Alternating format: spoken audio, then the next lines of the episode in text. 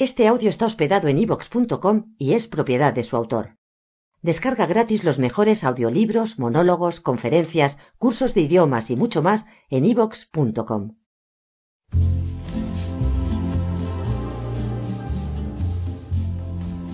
Benvolguts oients de Ràdio 4. L'espai que escoltarem a continuació és l'emissió d'un programa de ràdio extraterrestre que ha estat captat per les autoritats científiques del nostre país.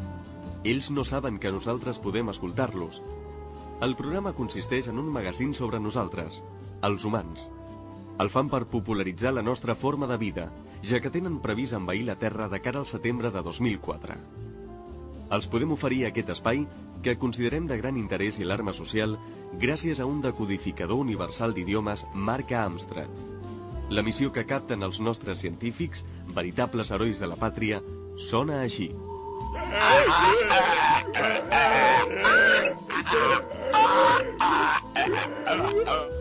Després d'aplicar el decodificador universal d'idiomes marca Amstrad, la missió sona així. Els matarem a tots.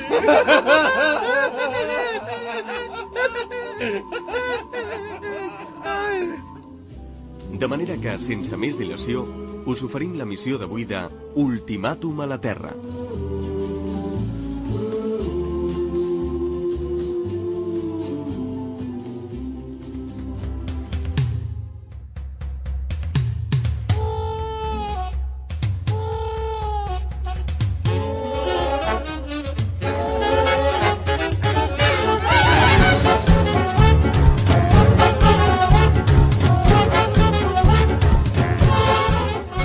Aquí Ultimàtum a la Terra, el programa d'informació sobre els humans. Sí, no us fallen les trompetes, sentiu bé, els humans. Aquí parlem dels humans i no ho fem per vici.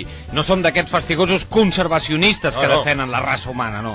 A Ultimàtum a la Terra donem tota la informació que està al nostre abast perquè sabeu com són, què són i què fan els humans. Tot allò que necessiteu saber perquè quan arribi setembre i els envaïm i destruïm tot, ho tingueu més fàcil. Efectivament, per si encara no ho sabeu, la Terra és l'objectiu que l'exèrcit galàctic ha fixat per l'any que ve, després de quasi 50 eons d'avorridíssima, improductiva i poc sexy pau. Ja n'hi ha prou de badallar i aquest és el vostre programa oficial de referència patrocinat pel govern galàctic, per l'exèrcit interestel·lar i per la pentaliança organitzativa de Ràdio Catòdico Astronàutica, La, Porca. I també contem amb el patrocini de Ultramortex, el detergent universal que acaba amb totes les formes de vida parasitàries que no arriben al nivell B1 d'intel·ligència.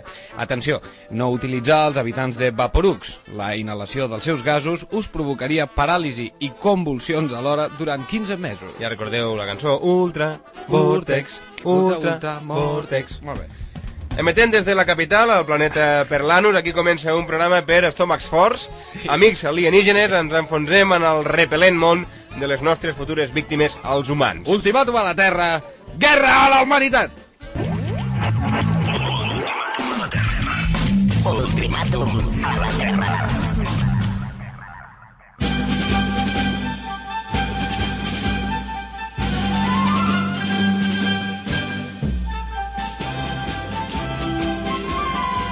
Una invasió, com sabem, no és flor d'un dia i l'exèrcit intergalàctic està preparant-se a consciència. Un exèrcit, com sabem, format per soldats de més de 350 races diferents i comandades per un militar mític, una persona de sòlida reputació, amb el que tenim connexió telefònica a través de la xarxa de satèl·lits Multistars, gentilesa de la Confederació de Comerç Còndix. General Iron Fix, muy buenos días. Hola, buenos días. Buenos días, ¿cómo se encuentra esta mañana soleada? Pues mire, bastante animado. ¿Dónde estamos esta mañana? ¿En Antares, Ganímede, o, o- Oxímoron 7? Simos 7. Oxímor 7, Sí, está- sí, se, ha tra- se ha trasladado usted y todo su séquito habitual. Sí, el séquito que me acompaña, porque todo no lo puedo trasladar. Hoy normalmente, claro, es mucha gente, ¿no? Sí, sí, sí, somos millones y millones. Y Solo del séquito de usted, No, no, no. De todo. Todo, lo- todo el ejército. todo el ejército. Pero como usted ha dicho, se ha trasladado. Ajá. No quiero que haya confusiones. Es que no, últimamente no sabemos, hay tantos movimientos de tropas Sí, sí, que sí. no sabemos bien bien dónde están. Hay militares por todas partes Sí, últimamente. sí, sí, hay que tener mucho cuidado. Sí, ¿verdad? Sí, sí. Se Y, le- eh, yo se- me encuentro aquí para ver el avituallamiento, Ajá. lo que se le da de comer a la tropa. Una cosa le voy a decir, se les ve más tranquilos, ¿eh? a los militares últimamente. Sí. Desde que tienen ya un objetivo de masacrar un planeta, ya están como más relajados. Sí, porque es que llevan muchos años aguantando.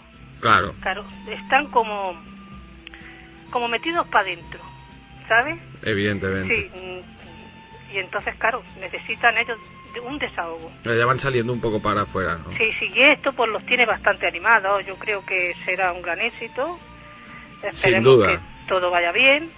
Ahora mismo estamos mirando que la alimentación sea una alimentación adecuada. Eh, Oxymoron 7 es quizá el planeta en el que... El planeta Sí. granero un poco. Sí, sí, sí, porque es el que tiene más... El ambiente es más para, para cosas de alimentación. Ajá. Sí, por ejemplo, hemos podido lograr hacer un palmitos.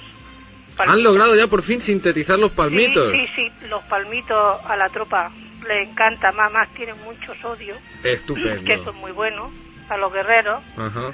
También hemos podido lograr eso a base de muchos injertos, Sí. pues alcachofas también, Eh, porque esto para el hígado es muy, muy sano. O Madre sea, mía, primero pues- se cuece la alcachofa y ese líquido se les da de beber cuando van a hacer, por ejemplo, la instrucción y van a hacer todo eso. Eso es muy bueno, porque el hígado no se irrita. Entonces, hemos hecho unos pocos alimentos así. Alcachofa, palmito, no sé, al- al- una, una dieta basada en alcachofa y palmito o hay quizá No, algún, no, esto- algún alimento más. son como unas vitaminas para Sí. ellos. Luego pues hay arroz, hay garbanzos, hay judías, lentejas que es muy importante también, y unas vitaminas que van muy bien para la vista, que son sipotis. Sí, hay sipotis en, en Oxymoron 7, me deja Sí, de piedra. sí, sí. Lo que pasa que nosotros pues el grano, lo que se hace grano, se tuesta y Sí. entonces se le hace, se les bebe como unas cápsulas, se les dan. Esto es un reforzante muy bueno. Madre mía, pues Es claro, ser- es muy interesante que la tropa se sienta bien, que esté fuerte, porque claro, es muy importante para la invasión que de- vamos a hacer. deben estar los muchachos como toros ya, ¿no? Hombre, tanto como toro, Tampoco, ¿no? Me he pasado.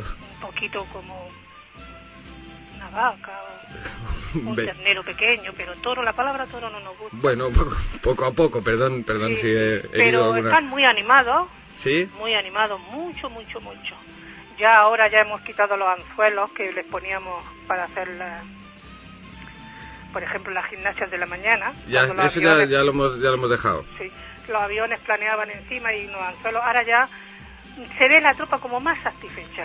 Hombre, pues esto es estupendo, Sí, nos alegra a todos muchísimo. Yo ¿eh? también estoy bastante satisfecho de cómo van los entrenamientos, todos, todos a una. ¿Ha habido algún problema algún día en entrenamiento o en la alimentación? No sé. Problema sí, porque como usted ya sabe, Sí. somos de muchos galaxias, planetas, como ustedes quieran llamar, ¿no? Porque Sí, sí. ustedes los periodistas, aunque sean extraterrestres, son bastante inteligentes. Claro, sí, hombre, se, nos presupone y gracias, gracias. Sí, sí. Muchísimas Bueno, Vamos a gracias. dejarlo todo porque algunos... Sí, bueno, Pero, pero, ahora... sí, A ver, espere un momento, que me llaman por teléfono. adelante. Sí, sí, sí, bueno. Oiga, oiga. Sí, dígame. ¿Está todavía ahí? Sí, sí, sí. Entonces ahora ya ellos están más contentos, como yo le iba diciendo, y tranquilos. Pero hay unos problemas, porque claro, hay unos soldados, si se puede llamar soldados, Sí. tienen una cabeza muy grande. Los otros son muy pequeños. Eso- sí, Hay otros muy altos. Claro. Tenemos un poco de complicación, perdone, ¿eh? en ponerlos los más altos atrás, los cabezones un poco más adelante, los pequeños. Pero hay otro problema, porque hay unos que tienen cinco brazos. Sí. Entonces, cuando se hace la instrucción, como debe comprender, molestan mucho a los de atrás. Entonces, hemos hecho una compañía sola en una planicie y están solamente ellos haciendo la instrucción. Pero no les gusta mucho que lo hayamos apartado. ¿Pero a quiénes tienen allí? ¿A los cabezones en la planicie o No a los de los brazos, a los de los brazos? sí, los que tienen cinco brazos. Y no están muy contentos, porque se cree que lo hemos apartado por otra cosa. O sea, porque les tenemos manía, porque son feos, no. Es que cuando hacen la instrucción, claro, deben comprender cinco brazos, pues claro, los demás de los de atrás se quedan, no ven nada, Claro, entienden claro. nada, ni oyen nada. Pero poco a poco yo creo que se van conformando, porque ellos, la base principal es que están muy contentos. Hombre, pues esto, esto es lo principal. Sí, sí, Esto sí. es lo principal. Para atacar un planeta y destruirlo completamente hay que llevar muy buen humor. Sí, sí, Porque ellos si están no- muy contentos porque ahora últimamente, por la mañana, en vez de tocar como se toca siempre, tu, tu, la, las trompetas y Sí. eso, nosotros no. Nosotros nos han traído como unos aparatos que se ponen así, como unas sorderas, así en todo el patio, si se puede llamar patio porque es una explanada muy grande, Sí. y entonces nosotros ponemos una música. ¿La música suave o...? No, no, no. Están todos en, así puestos y es una, una música que no ha llegado de la tierra. ¿Ah? Sí, pero claro, no han dicho. Ha llegado un poco tarde. Esto pasó hace unos años. Claro, por el retraso de, de la distancia, sí, quizás. sí. ¿Y de qué música se Pero trata? bueno, están muy contentos, muy contentos. Nosotros por la mañana, cuando van a levantarse, lo ponemos y claro, se levantan. Se llama, por un título tiene como un tal Macarena. Ajá. Sí, pero es muy animada el baile. Y, o sea, ellos hacen la instrucción ah, con esta música. Hombre, Y pues... están muy contentos. Ya les digo, hay una alegría muy general, todos contentos para atacar, todo. Mm, No sé, pero pronto tendremos que mirar los vestuarios, porque también es un poco complicado, los uniformes, botas, cascos. Porque claro, para hacer cascos para estos cabezones también es muy... Hombre, imagínese, la- las fundiciones de, de, de Orión van a quedar eh, Sí, sí, en pocos días sin... O sea, Orión son es muy cabezón. Orión es muy cabezón, eso, eso, sí, es- la eso es de siempre. Eso son muy cabezones, no sé si encontraremos bastante... Sea, no sé si se lo haremos de paja, de cuero, no lo sé. Hombre, de paja yo lo veo bien, Sí, pero necesitamos mucha paja. claro. Claro, y aquí, pues claro, ya hay algunos campos de paja, pero los pajilleros, pues, las Sí. personas que se encargan de, Sí. de la paja, entonces dicen que no creen que haya bastante paja suficiente. Pero bueno, lo intentaremos. Bueno, habrá que ir viendo, en la ¿no? próxima conexión que tengamos con ustedes les contaremos cómo va. Pero habrá que ir viendo. Sí, Pues, de momento, de intendencia vamos bien. Ya de, les digo, de con intendencia estas bien. vitaminas que hemos propuesto y se les da. Luego lo contentos que están haciendo la instrucción con la música.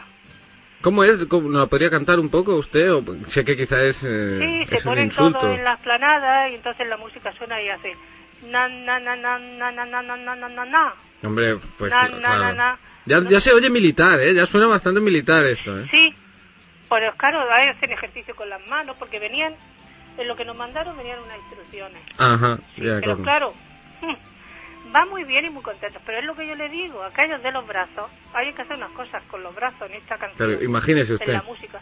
Y claro, a veces hay que cogerlos por poder desenliarlos porque se ponen como un ovillo.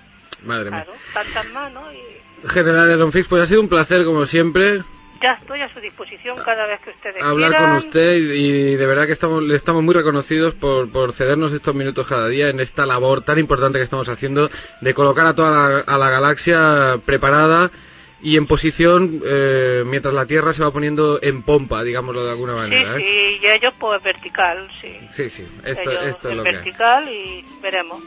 Pero yo estoy muy contento, muy orgulloso de ustedes porque las primeras declaraciones que yo hice han salido en la prensa.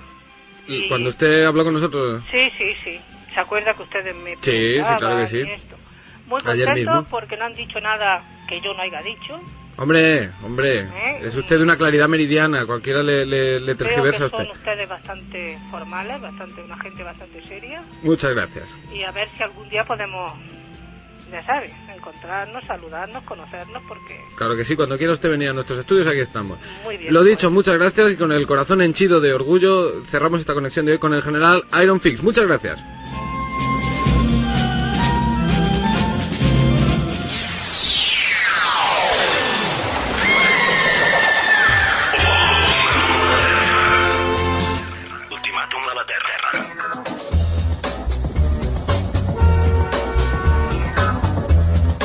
Sabem que dir humans interessants és com dir guerra pacífica, un contrasentit.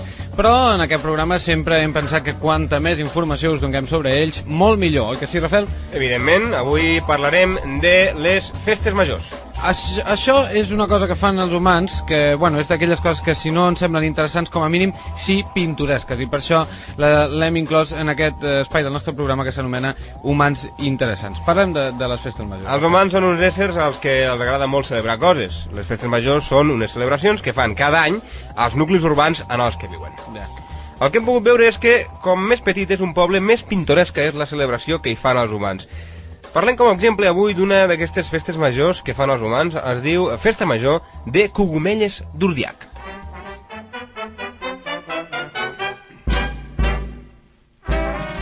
I aquesta música tan desagradable que quasi ens fa sortir la nostra verda i meravellosa sang per les A mi, orelles... a mi, em, a mi em supuren una mica Així els eh? superant una mica. Una mica. És, això és la música que aquesta, aquesta raça utilitza per divertir-se. Això, que semblen els gemecs d'un d'un monstre gegant del, de la constel·lació Glom, és eh, música de festa. Sens dubte, però, per ells, hi ha quelcom màgic i fascinant en, en aquest fet, no? Tota una comunitat humana fa certes coses any rere any només perquè algú va començar a fer-les 400 anys enrere. És com una immensa conga espai-temporal. La inèrcia és el que mou el món en moltes ocasions. eh? El, món, el seu món, vull dir, el Sí, planeta sí, Terra. clar, evidentment. En el cas que ens ocupa l'acte amb què s'inauguren les festes de Cogomelles d'Urdiac, és el que el poble es coneix com l'arribada de la festa i consisteix en que l'àvia més vella o anciana del poble ha d'anar passant per totes les cases vestida de pubilla, amb colorets, maquillatges tribals a les galtes i una perruca rossa. Va repartint caramels i dient «Soc la festa major i vull que tu passis molt bé». Eh, simulació que ara farà el nostre company Berto, has de dir, digues la frase de l'anciana. Soc la festa major... No, i no, vull però que fem tu- bé Ah, l'anciana, mare. Ah, vale, vale. Soc la festa... Bueno, no em surt. És que... Bueno, no, ja està bé, Vale, vale. la pròxima. Bueno, vull que igual, no molt vol fer. No, No, si no, no, vol no, fer, no, no. faci. Eh, No ho vol fer. L'acte vol simbolitzar que l'alegria... L'acte vol simbolitzar que l'alegria i la disbauxa no tenen edat i és molt bonic. Però de vegades, com enguany, la festa amb la iaia Sisqueta, en aquest any que està en, en, en curs ara a la Terra, que tenia 97 anys terrestres, feia venir com una sensació una mica estranya.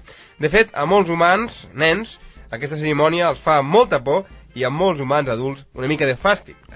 Hi ha gent són que... els únics una mica que conscients. Sí, sí. suposo. Hi ha gent que no vol obrir la porta i fins i tot hi ha qui deixa anar els gossos contra, contra la vella. En qualsevol cas, amb aquest acte es dona per començada la festa major, tot i que en realitat no és fins dos mesos humans després. Coses humanes.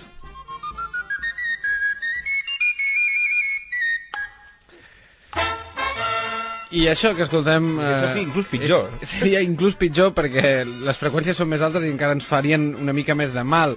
Quan la festa major eh, finalment comença, el, el poble en qüestió, Cogomelles d'Urdiac, eh, s'omple d'activitats i el primer en què es nota és en això que estem sentint que ells anomenen sardanes, una, una música típica, humana, de la zona, repetitiva i rítmica, com podem anar escoltant, clic, clic, clic, clic, com, clic, com un clic, clic, clic... Com Pues a un mi no em fa res fer simulacions.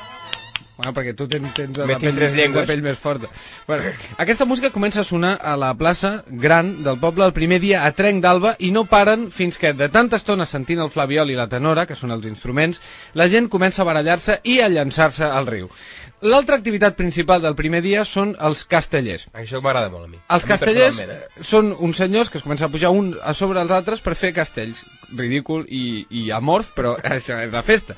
Aixequen, en aquest cas, els famosos castells invertits de cogomelles, en què una persona es col·loca a la base, a sobre seu n'hi pugen dos, a sobre d'aquest n'hi pugen tres, i així successivament. No són gaire alts i rarament es descarreguen bé, però la gent ho viu molt i l'espetec de quan rebenten els turmells del qui està sota és rebut sempre amb una gran ovació. Tenim un fragment gravat amb son de sònica.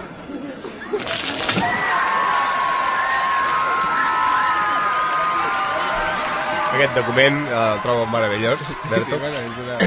El segon dia de la festa major a Prat Fort és la munyida popular. Es penja una vaca del balcó de l'Ajuntament, que seria la casa de comandament del poble, i se li lliguen cordes a les mamelles o mugrons de tal manera que els més petits dels humans poden munyir-les des de la plaça.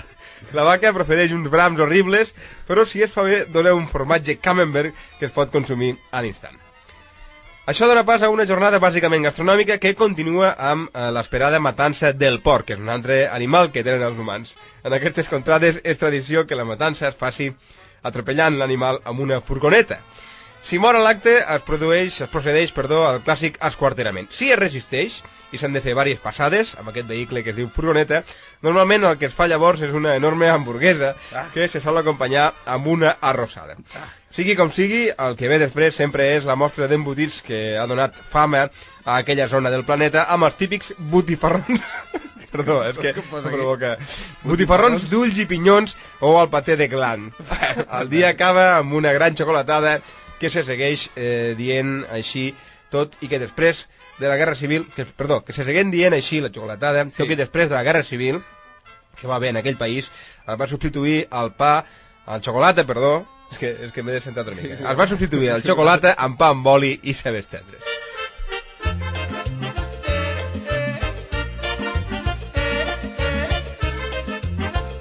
Perdó, és que és tanta la repugnància que em produeix tot això que, que em perdo de, del guió. Digues, digues. Eh, com suposo que sabran ja, si hem vist alguna foto de nosaltres fent el programa a, a la ona de, de xarxes d'internet intergalàctica, hauran vist que tenim sempre una galleda pels vòmits aquí entre els dos micròfons. Aquesta música que estan escoltant ara, una música especialment, eh, potser fins i tot eh, més repugnant que Puja, les puja una anteriors. mica, puja una mica, volem... Compte quan sentiu aquesta música, quan, quan arribeu a la Terra amb, amb els vostres làsers i fàsers per destruir-los, perquè això... I tricòders. I tricòders, això és la música que indica que estan celebrant el que ells anomenen Ball de Festa Major. Evidentment, les festes sempre presenten alguns incidents i aquest, aquest enguany, aquest any, aquest enguany, que nosaltres ho hem, ho hem anat a veure, l'incident va ser la confusió de partitures que hi va haver entre el concert de música clàssica i el ball de fi de festa a l'embalat. Quan el teclista de l'orquestra, Cherinola, va començar, sense saber-ho, a fer les variacions Goldberg, va tenir una embòlia i els músics van haver de plegar. Però de fet, com sol passar molt sovint en festes humanes, molt abans que comencés el ball, la gent ja anava tan sumament borratxa que quan algú es va donar que el so que tothom ballava era el d'un gos fent córrer una llauna buida de cervesa, ja eren ben bé quarts de set del matí i a ningú li va importar, sobretot amb aquesta música de fons.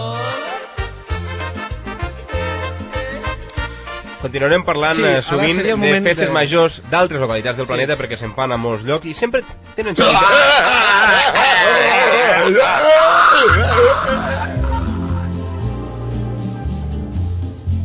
Preguem disculpin aquesta interrupció deguda a un error en el nostre decodificador universal d'idiomes. Els recordem que estan escoltant Ultimàtum a la Terra, un magazín de ràdio extraterrestre interceptat per Ràdio 4 a través del qual hem descobert que una raça alienígena pretén envair el nostre planeta de cara al setembre de 2004. Trigarem només uns minuts en solucionar el problema.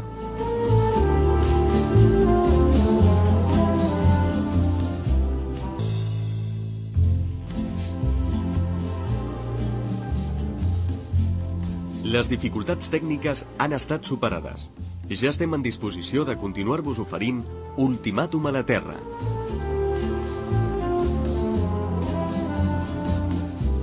Ultimàtum a la Terra.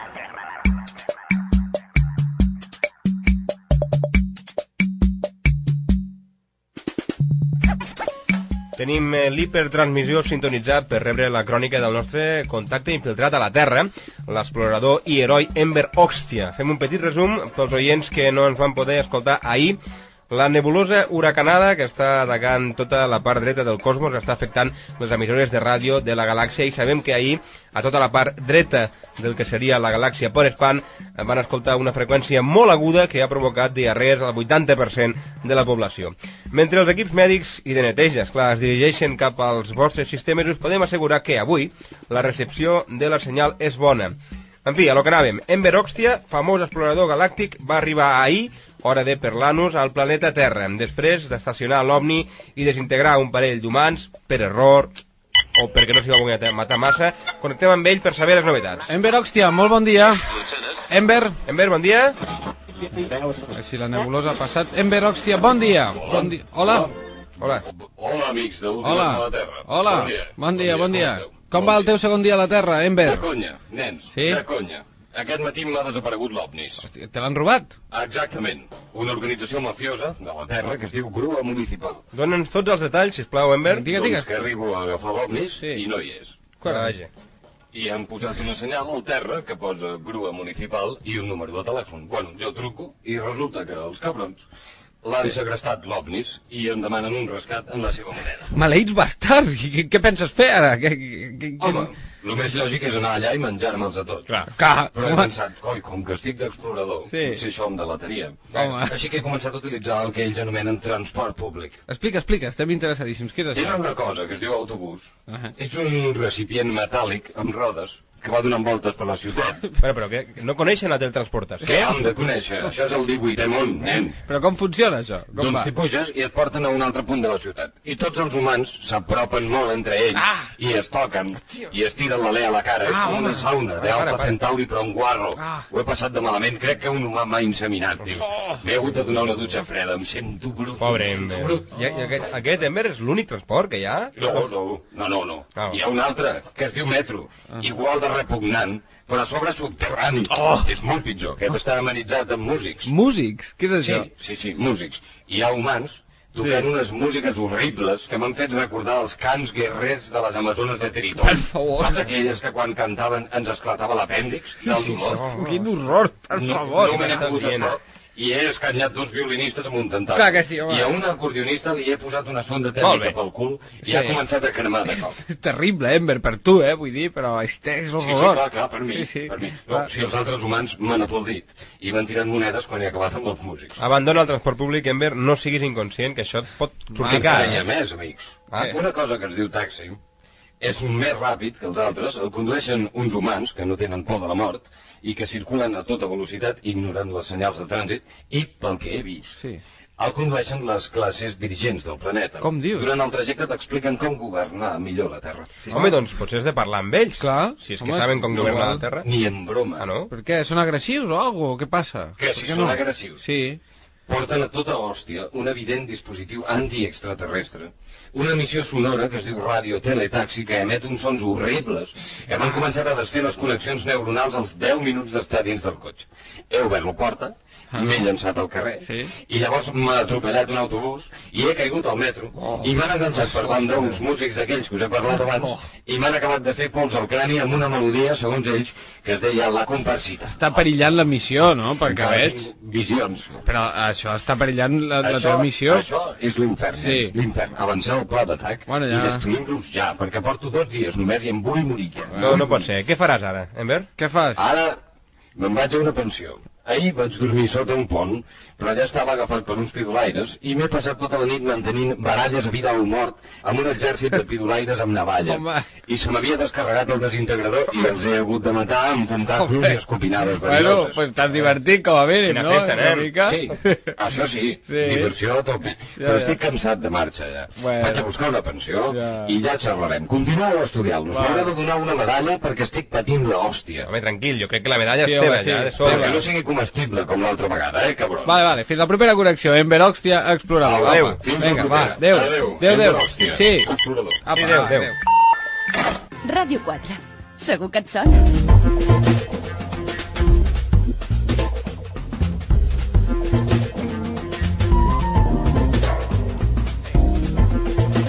Continuem a Ultimàtum a la Terra. Si ahir vam Sí. xerrar de Medieval, que era una mena d'esport que els humans practicaven, doncs avui al nostre espai anàlisi d'expressions culturals humanes hem pensat, per què no, continuar ah. parlant de- d'esports, de, no, Rafel? Sí. Això és el que he pensat jo, com a Sí, mínim. estava cantant una Però mica jo, eh? Què cantaves? Cantava, però a l'estil del meu planeta. Ah, home, però és horrible per, per les meves oïdes, perquè sí, jo soc de l'altra part del... Pues com, és convulsiu. és com... Ah, uh. Ah, bueno, pues ja m'agrada. Per què no fas una mica el que havies de fer, en lloc de Sí. fer... Bueno, avui parlarem d'esport, doncs, com acabes de dir, els esports són una mena de jocs amb alt component físic a través dels quals els humans competeixen i es posen a prova els uns als altres. Per què? Clar, per què? Aparentment per divertir-se, malgrat que tot sembla indicar que quan els practiquen pateixen molt. Els millors esportistes de cada especialitat són admirats a nivell mundial i les seves eh, proeses són seguides per milions de persones a través dels mitjans de comunicació massius. En alguns dels casos, això ens ha cridat molt l'atenció. Per exemple, en un esport que es diu llançament de jabalina. Com? Consisteix llançament de jabalina. Jabalina. Per als experts o, o iniciats amb, amb fauna humana, no es tracta de la femella de l'animal conegut com jabalí. No? Res a veure, Que seria, bueno, seria um, divertit i... Seria, això encara tindria gràcia, però no, no és això. Consisteix en competir per veure qui envia una jabalina, que és com una mena de llança, més lluny d'ell mateix. Ah. La jabalina és un objecte llarg i punxegut que no sembla tenir cap equivalent en altres àmbits de la vida humana. No hi ha jabalines a la natura, ni s'utilitzen les jabalines com a mitjà de transport, ni es mengen. Llençar una jabalina molt lluny no té cap aplicació pràctica fora de l'esport. O sigui, que el llançador de jabalina ha d'aprendre una altra manera de guanyar-se la vida quan deixa de llançar jabalines, ja que al carrer, a la vida real, diguéssim, ningú li donarà ni una moneda fragmentària de, de menys valor per veure com llança una jabalina al màxim de lluny d'ell mateix. Arribem a cotes d'absurd que... que... Molt. O sigui, ningú diu, mira, jo sé llançar, jo llanço la jabalina més llarg que ningú a la Terra. Vols veure-ho? No. Això, això pel carrer. I diran, no. No, no, gràcies. No volen veure perquè no té interès. Veiem, doncs, que tot és molt estrany i misteriós, però eh, estadis plens de persones rugeixen d'emoció en veure com els llançadors de jabalina, que es deuen dir jabalinaires, suposo, fan el que saben fer. no hem sabut per què llancen una jabalina i no una altra cosa, com un aparell de ràdio o un infant humà o un, un, una mena de porca. Tot, tot, tot tocinet, repetit, no? seria molt més interessant. El que sí podem fer és escoltar les declaracions que un dels millors llançadors de jabalina del planeta fa a un mitjà de comunicació just després de perdre el seu títol mundial per un centímetre i mig de distància. Bueno, la jabalina és així, no? A vegades es guanya a vegades es perd. I no hi ha jabalinista petit. Un fa el que pot, però a vegades la jabalina no vol anar més lluny. I perdona, eh, que me'n vaig dutxar, però em faig fàstic. mateix. Ai, ai, ai, ai, compte amb aquella jabalina! Però encara hi ha més exemples eh, més misteriosos en el món de l'esport. Per exemple, l'esport conegut com velocitat, Velocitat. velocitat, que té diverses modalitats. Sí, que una raça que només té dues cames i, Sí, sí, i es competeix en la de velocitat. poder parlar de velocitat. Sí, sí, I que no coneix l'hiperespai. Evidentment. I es pensa que no, no es pot assolir la velocitat de la llum. Continua, continua. Bueno, que les nostres naus assoleixen en primera. Bueno, la més eh, popular de les proves de velocitat es coneix com a 100 metres llisos. Encara que sembli mentida, aquest esport consisteix en fer una ratlla en un punt, o posar-hi una corda, per exemple, i a veure qui arriba abans. I ja està. És a dir, una forma de vida eh, dins del cap bastant evolucionada tecnològicament, que ja ha trepitjat el seu propi satèl·lit, que no és molt, però bueno, ja està bé per ells, doncs fa un espectacle mundialment seguit mm, d'una cosa tan bàsica i primitiva com veure qui arriba abans a un punt. Estupendo, molt bé. Hi ha humans que dediquen la seva vida íntegrament a preparar-se per arribar abans que ningú a la ratlla. I ara us semblarà mentida, però l'humà més veloç del món, en els 100 metres llisos, només li trauria uns 20 segons d'avantatge a un humà més aviat lent que en lloc de dedicar la seva vida a preparar-se per això, l'ha dedicat, per exemple, a ingerir cervesa. 20 segons. 20 segons. 20 no? segons. Els humans poden fer ben poques coses en 20 segons, i alguns que les fan preferirien trigar una mica més. És un absurd, un sens absurd dubte, que el primer del món li tregui només 20 segons a, a un que no s'ha preparat. Però estan però- cridant, a, a, estan cridant desesperadament que els matem. Clar que sí, clar que sí, L'única home. conclusió a la que puc arribar. Però, a fet, perquè hi ha proves de velocitat encara més absurdes. Hi ha una variació dels 100 metres llisos que són els 100 metres tanca. Atenció, Com? amics oients, perquè en aquesta prova els humans posen deliberadament obstacles. Ells mateixos. Ells mateixos. En el recorregut dels corredors.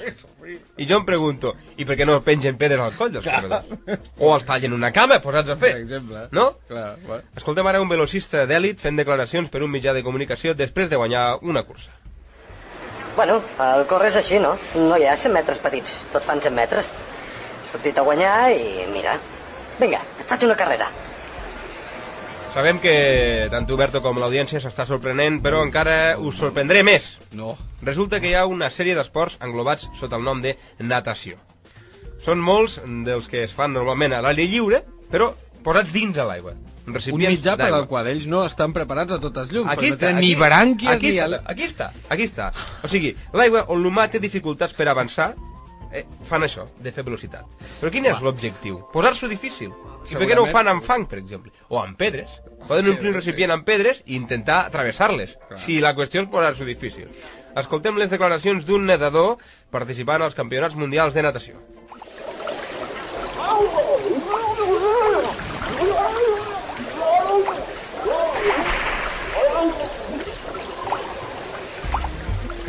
Hem de dir a més que els humans, quan passen molta estona dins de l'aigua, se'ls arruga la pell i arriben a fer molta llàstima fins i tot als seus congèneres.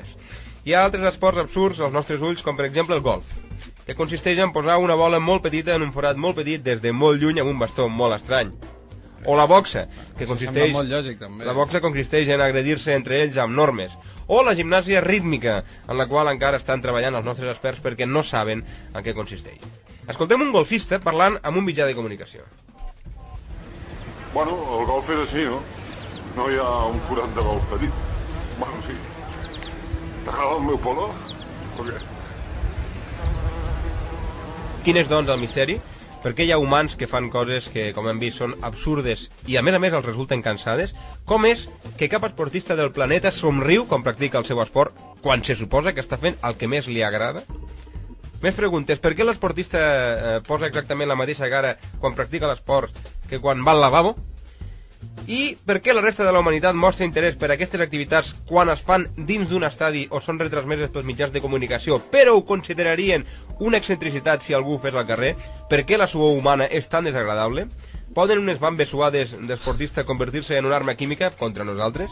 Són preguntes de moment sense resposta, però que continuarem investigant al llarg de les edicions d'Ultimàtum. Això decididament és massa per un praquindrià com jo, encara que el meu cervell hagi estat tractant genèticament per ser Tu ets molt mig més praquindrià només, Mig eh? praquindrià per part Val, de val, pare. val, val.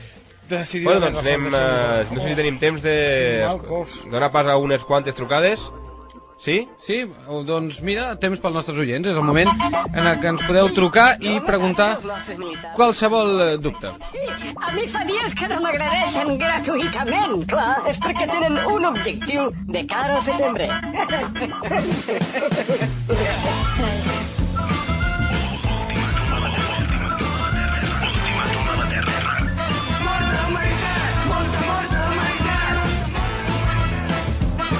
Ultimàtum a la Terra.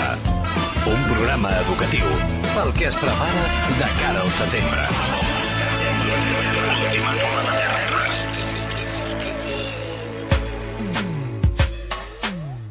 Temps ara pels oients. Obrim telèfons i truqueu-nos i pregunteu-nos qualsevol cosa sobre humans. Bon dia, tenim alguna trucada allà al- a l'altra línia? Vull dir, hola, hola. i felicitats pel programa. Gràcies. Quina forma de vida és vostè? Qui és? Som Molt bé. I què ens voldria dir? Què ens voldria dir, senyor? Volia saber on es pot adquirir un humà. Doncs miri, depèn de per què el vulgui exactament. Potser el Rafael sap més d'aquest tema. Volia per empaperar les parets de casa. Ah, doncs molt bona idea. Miri, normalment eh, es poden aconseguir humans de tres maneres. Pot treure's una llicència, anar a la Terra i caçar-los vostè mateix. Però això està difícil perquè ja s'han donat moltes llicències i a la Terra hi ha actualment bastant overbooking.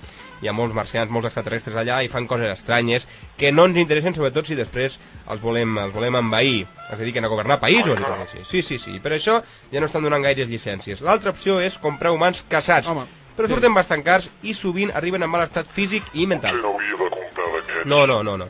Jo li recomano la tercera opció, que és la de comprar humans de criadero, humans criats en vivers, que li sortiran molt millor de preu i per als quals Tenen el que vol sortida. ja està bé. Sí, jo crec que pel que vol tenen molta sortida, aquesta. Doncs potser en compraré d'aquests. Sí. Saps si en venen de diferents colors? Home, jo crec que el- els de criadero n'hi ha que modifiquen la pell genèticament perquè tinguin diverses games. Em sembla que, que amb un d'aquests ja Doncs vostè... perfecte, moltes gràcies, eh? De res, doncs per això estem, per això estem. Hem après molt sobre els humans durant aquesta primera hora. Oi, amics? Sí, som una mica més llestos i ells una mica més indefensos.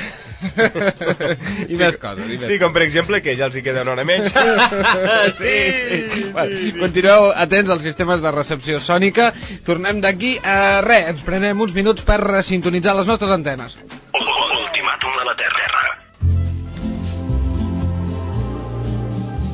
Aquesta ha estat la primera hora d'avui de Ultimàtum a la Terra, un programa de ràdio extraterrestre sobre nosaltres, els humans.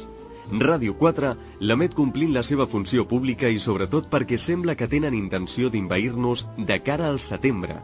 Després del butlletí informatiu, us oferirem la segona hora del programa.